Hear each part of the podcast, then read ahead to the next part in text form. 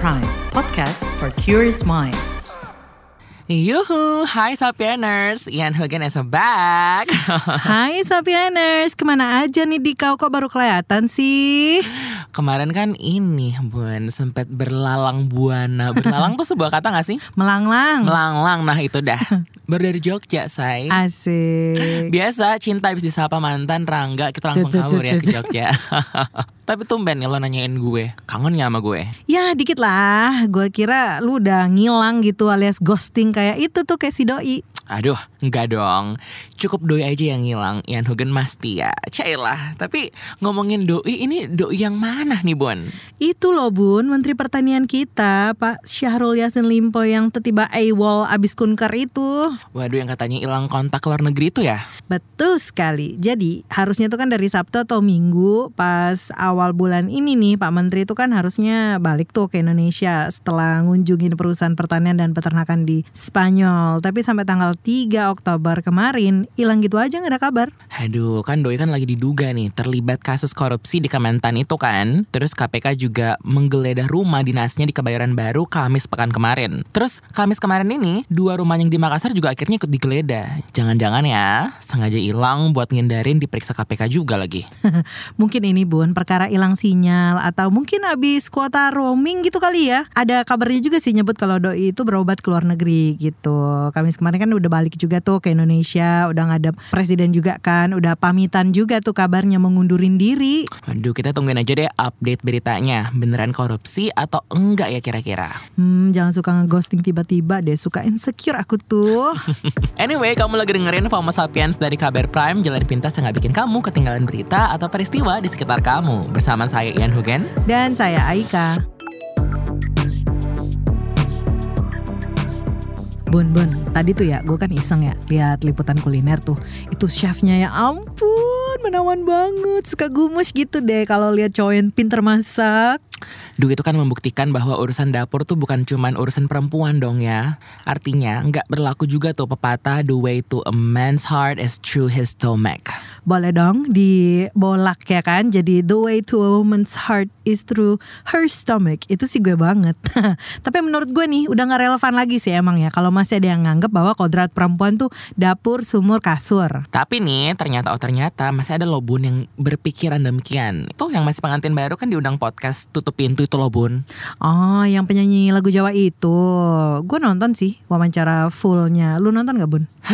gue nonton lagi cuplikannya di TikTok lewat di FYP gue yang dia bilang kalau misalnya istrinya udah melahirkan gak usah pakai mbak biar istrinya ya udah jaga rumah aja jaga anak gak usah ikut nonton ke konser gitu kayak aduh emosi dia nontonnya tuh say Hmm, kalau di sosmed kayak lu tadi tuh kan nge-share kan ada kayak potongan-potongan klip Mm. aja gitu kan. Nah, makanya tuh gue penasaran bun. Pengennya tuh sebenarnya full wawancaranya tuh kayak apa gitu kan biar ah, biar gibahnya totalitas gitu lah kan. Tapi sejujurnya gue juga kecewa sih sama lontaran-lontarannya Mas DC ini ke istrinya ya. Sekilas tuh kayak bercanda gitu. Tapi kok gue ngerasa sepanjang dia full interview itu kok ya terus-terusan gitu. Jadi malah terkesan merendahkan sih menurut gue. Ember kalau gue jadi ceweknya gue langsung keluar sih dari ruangan itu jujur kan salah satunya nih eh, Mas DC ya sempat menyebut bahwa semenjak menikah Doi itu udah memecat tiga pekerja domestik yang merawat rumahnya alasannya karena saat ini sudah ada istri yang bertugas menggantikan pekerjaan pekerja domestik dari make upin sampai nyupir Ya wajar aja sih ya kalau kemudian warganet panas gitu karena kalimat kayak gitu kan malah ngasih kesan DC ini menikahi istrinya untuk menjadikannya pekerja domestik gratisan.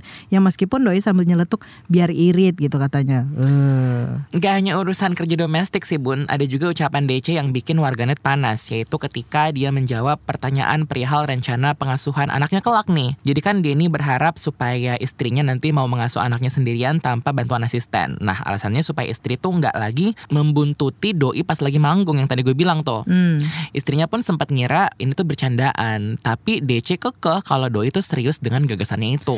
Hah, menurut gue nih ya, Kartini bakal geleng-geleng gak sih Bun kalau denger lontaran-lontaran si Mas DC ini? Kartini udah menggagas emansipasi perempuan dari kapan tahu gitu ya. Tapi kok ya di zaman kayak sekarang ini malah jadi kemunduran gitu gegara masih ada aja nih anak muda yang berperilaku patriarki kayak gitu. Tapi menariknya dari viralnya si DC ini sih akhirnya memicu pembahasan publik soal patriarki. Menurut lo gimana? Gue sih setuju banget ya maksudnya dengan gue suka nih sekarang tuh netizen udah mulai melek dalam pembahasan-pembahasan seperti ini. Gue rasa kalau misalnya hal-hal seperti ini muncul let's say kayak lima tahun lalu mungkin akan banyak ya orang yang menganggap emang itu kok kodratnya gitu. Hmm. Tapi kan sekarang akhirnya banyak orang yang juga turut apa ya emosi pastinya ikut terpancing karena udah mulai aware gitu bahwa iya tugas istri tuh nggak seperti apa yang disebutkan dalam video podcast tersebut. Jadi gue sih turut kesal, tapi melihat orang lain kesal gue juga akhirnya senang karena berarti masyarakat semakin melek gitu akan pembahasan-pembahasan seperti ini. Setuju gue. FYI ini Sapieners, patriarki itu kan menggambarkan sistem sosial dengan menempatkan laki-laki sebagai kelompok yang dominan dalam mengendalikan kekuasaan terhadap kelompok perempuan dalam segala aspek. Nah ini yang kemudian menyebabkan terdapat kepercayaan bahwa laki-laki itu punya kedudukan lebih tinggi daripada perempuan sampai kemudian perempuan wajib untuk mengikuti arahan laki-laki. Nah, sikap itu tentu turut mempengaruhi sejumlah hal seperti kebijakan dalam memperlakukan perempuan hingga membuat seorang perempuan merasa memiliki batasan dalam membuat keputusan dan kebijakan. Well, sayangnya di Indonesia emang sistem patriarki ini kan udah kayak semacam budaya gitu ya. Laki-laki kayak dianggap superior. Terus perempuan harus tetap di rumah, ngelayanin keluarga, ngurusin kerjaan domestik gitu ya. Ya gimana mau ada kesetaraan kalau masalahnya bulat di situ-situ aja. Nah, kalau ranah personal, budaya patriarki ya jadi penyebab munculnya kekerasan. Gak heran kemudian kenapa tingkat kekerasan pada perempuan masih meningkat. Karena ada dominasi laki-laki tadi ya. And guess what? Sejak Januari hingga Juli 2023, Komnas Perempuan sudah menerima lebih dari 2.500 kasus kekerasan terhadap perempuan. Nah ini dampaknya kan bakal ke mana-mana nih. Ada nih gue sempat ngeliat jurnal berjudul Budaya Pengaruh dan Budaya Patriarki terhadap gerakan perubahan feminisme dalam organisasi yang dirilis sama Institut Teknologi dan Bisnis ITB Semarang pada April 2023 menyebut ada beberapa dampak nih bun ternyata budaya patriarki itu. Ayo dong, segera di-spill. Nah yang jelas menimbulkan ketidakadilan gender, kekerasan terhadap perempuan seperti ya kekerasan fisik, seksual, emosional, psikologis, ekonomi dan rasa ancaman gitu. Selain itu konstruksi sosial yang dibentuk sama masyarakat terhadap pernikahan dini di mana perempuan adalah penerima nafkah gitu yang hanya berkecimpung di sektor domestik aja. Makanya nih penting banget gak sih ada pendidikan peran gender sedini mungkin. Gimana caranya biar generasi berikutnya bisa lebih aware dan gak lagi meneruskan budaya patriarki ini. Urusan domestik itu kan sebenarnya bisa dipertukarkan ya, bukan kodratnya perempuan doang gitu loh. Ya gak sih? Setuju. Kesetaraan gender tuh bukan perkara mengubah kodrat perempuan, tapi tentunya mengupayakan biar perempuan tuh punya akses yang sama dengan laki-laki di mata publik gitu ya. Karena perempuan juga tentu berhak punya kesempatan yang sama dan perlakuan yang adil. Melawan budaya patriarki bukan berarti kita tuh menempatkan diri lebih tinggi di atas laki-laki. Namun dengan menjadikan diri kita setara dalam mencapai tujuan tanpa ada batasan terhadap gender. Nah, BTW nih, kalau belajar dari kasusnya Mas DC tadi tuh, ini jadi notes penting itu nggak sih buat kriteria nyari pasangan, khususnya buat yang lagi nyari pasangan aja nih ya. Ya tentunya pasangan yang mendukung kesetaraan gender dong pastinya. Sepakat.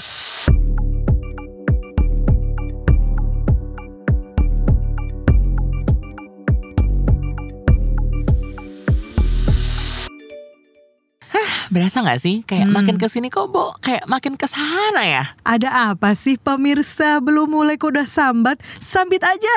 Sambut aja deh, kita sambut nih segenap pihak yang ingin berlaga di pemilu 2024 termasuk para bacalek ex napi korupsi. Aduh, Ini nih, emang boleh mereka sebacalek itu? Hah?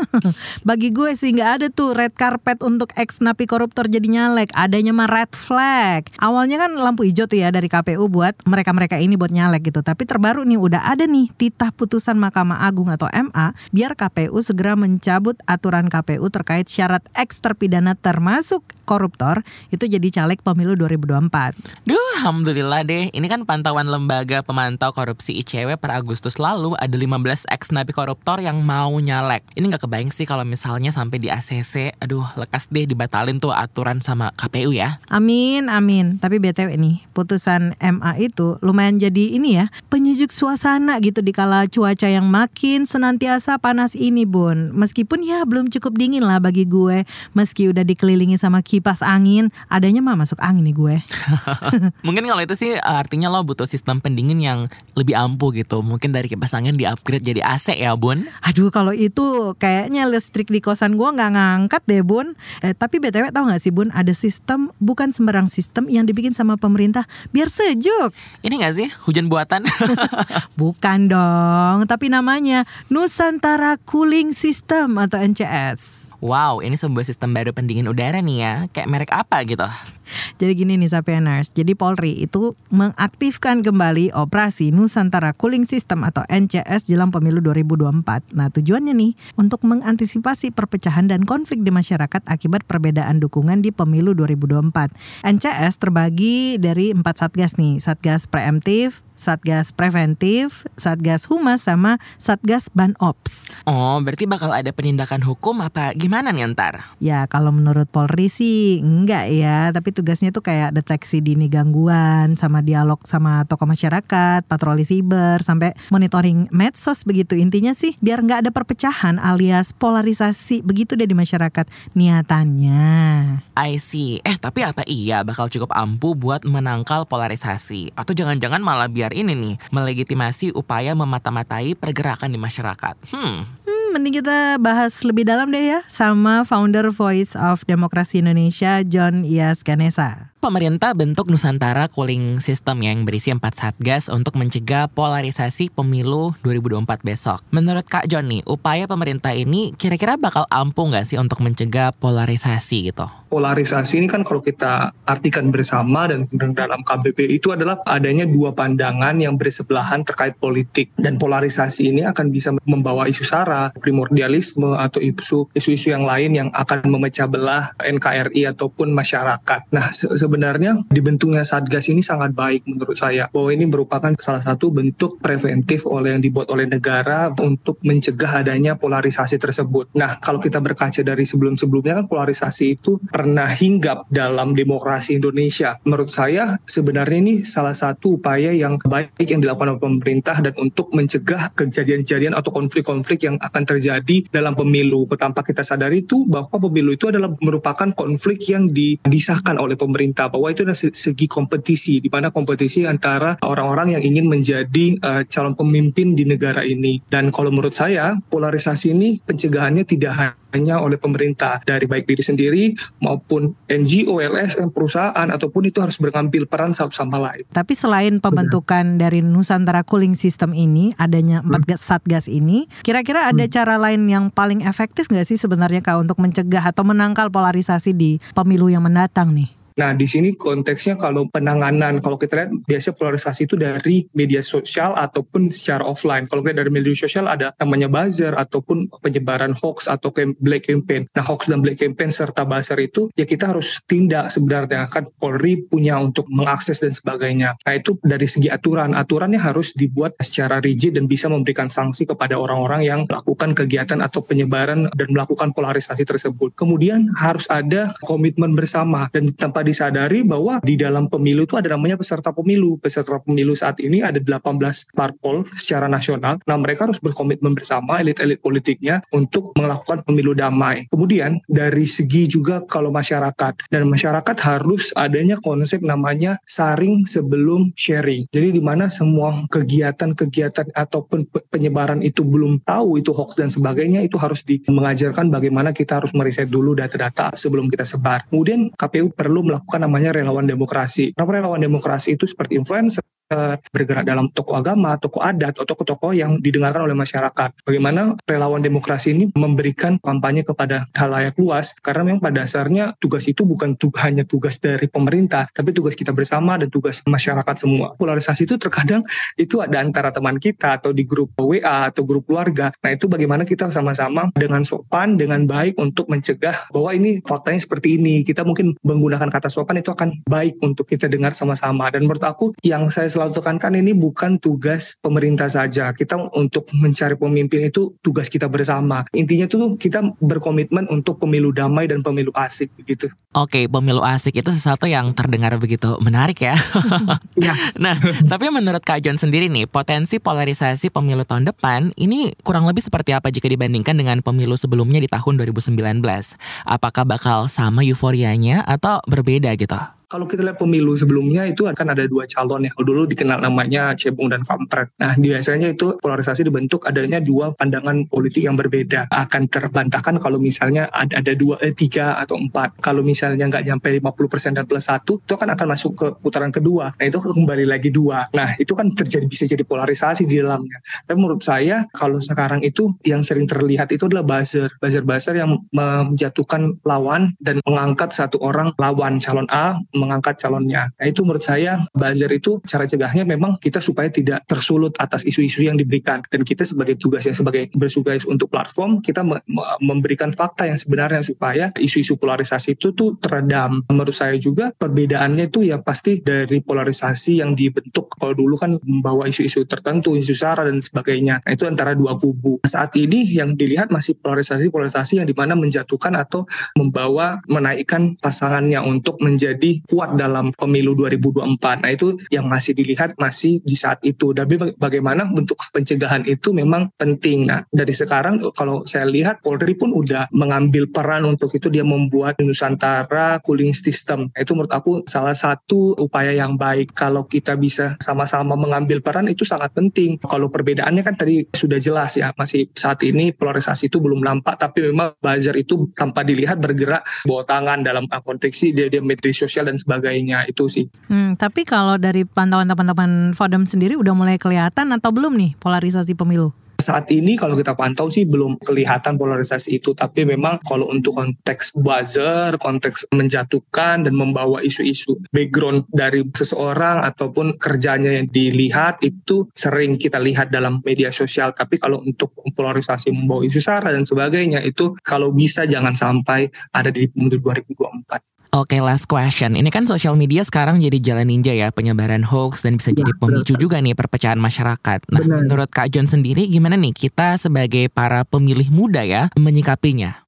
Jadi sebenarnya sekarang kalau teman-teman mau belajar pemilu, demokrasi, itu banyak banget sekarang platform-platform. Tapi kita lihat platformnya itu bagaimana dulu dan kredibilitasnya. Ya kita harus mencari tahu. Kadang orang acuh tak acuh. Bagaimana sih kita belajar politik dan sebagainya. Karena memang media itu kadang membawa isu-isu politik itu ke arah yang maksudnya negatif. Tapi bagaimana kita melihat politik itu baik, bahwa kita bersama-sama mengambil apa namanya bahwa isu-isu politik itu baik loh. Kita bisa belajar dari platform-platform edukasi politik demokrasi Nah, dari itu kita mengambil peran untuk mengedukasi banyak hal, membuat diskusi, membuat ada ruang-ruang untuk mengeluarkan ide atau gagasan. Nah, sebagai anak muda pun banyak hal yang kita bisa lakukan. Mungkin influencer. Nah, influencer itu tidak harus menjadi influencer secara besar. Nah, mungkin kita menginfluence untuk anak muda untuk mengajak bahwa tidak golput karena memang di negara udah memberikan hak itu untuk memilih. Nah, itu salah satu hak yang kita harus gunakan. Dan juga menurut aku perlu adanya ya komitmen dari elit-elit politik, partai politik, pemangku kebijakan berkomitmen komitmen melakukan pemilu damai, pemilu asyik. Kemudian media, media juga harus uh, sama-sama tidak cenderung ke kanan atau cenderung ke kiri terhadap atau pasangan calon yang akan mendaftar dalam pilpres nanti. Nah itu menurut saya anak muda pun harus juga diedukasi bagaimana diberikan berikan ruang untuk mereka belajar ataupun memberikannya itu sebenarnya tugas-tugas bersama untuk mengedukasi atau memberikan pelajaran tentang politik, tentang demokrasi dan bagaimana itu uh, tentang pemilihan. Karena pada dasarnya itu bukan dianggap ini ya, bukan acuh sih dianggapnya, tapi menurut menurut aku anak muda itu kurang dekat terhadap isu tersebut dan dianggap bahwa isu pemilu demokrasi itu isu, orang expert bicara.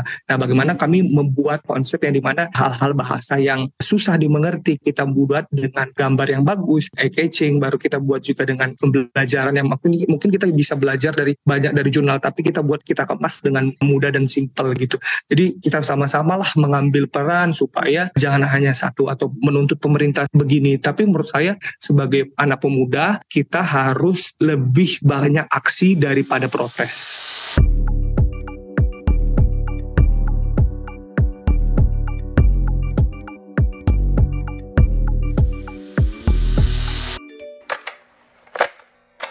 Satu kata yang mendeskripsikan cinta, respect. Jahat. Selfless. Komunikasi. Itu kata mereka soal cinta. Dengarkan Love Buzz di kbrprime.id. Tersedia juga di platform mendengarkan podcast lainnya. Love Buzz membicarakan perkara yang tidak dibicarakan ketika berbicara perkara cinta. Bun, kan lo anaknya sosmed banget nih. Lo termasuk pengguna TikTok ya kan? Ya dong, kenapa nih tiba-tiba banget gitu ya? Ini pasti gara-gara TikTok Shop baru ditutup kemarin kan nih.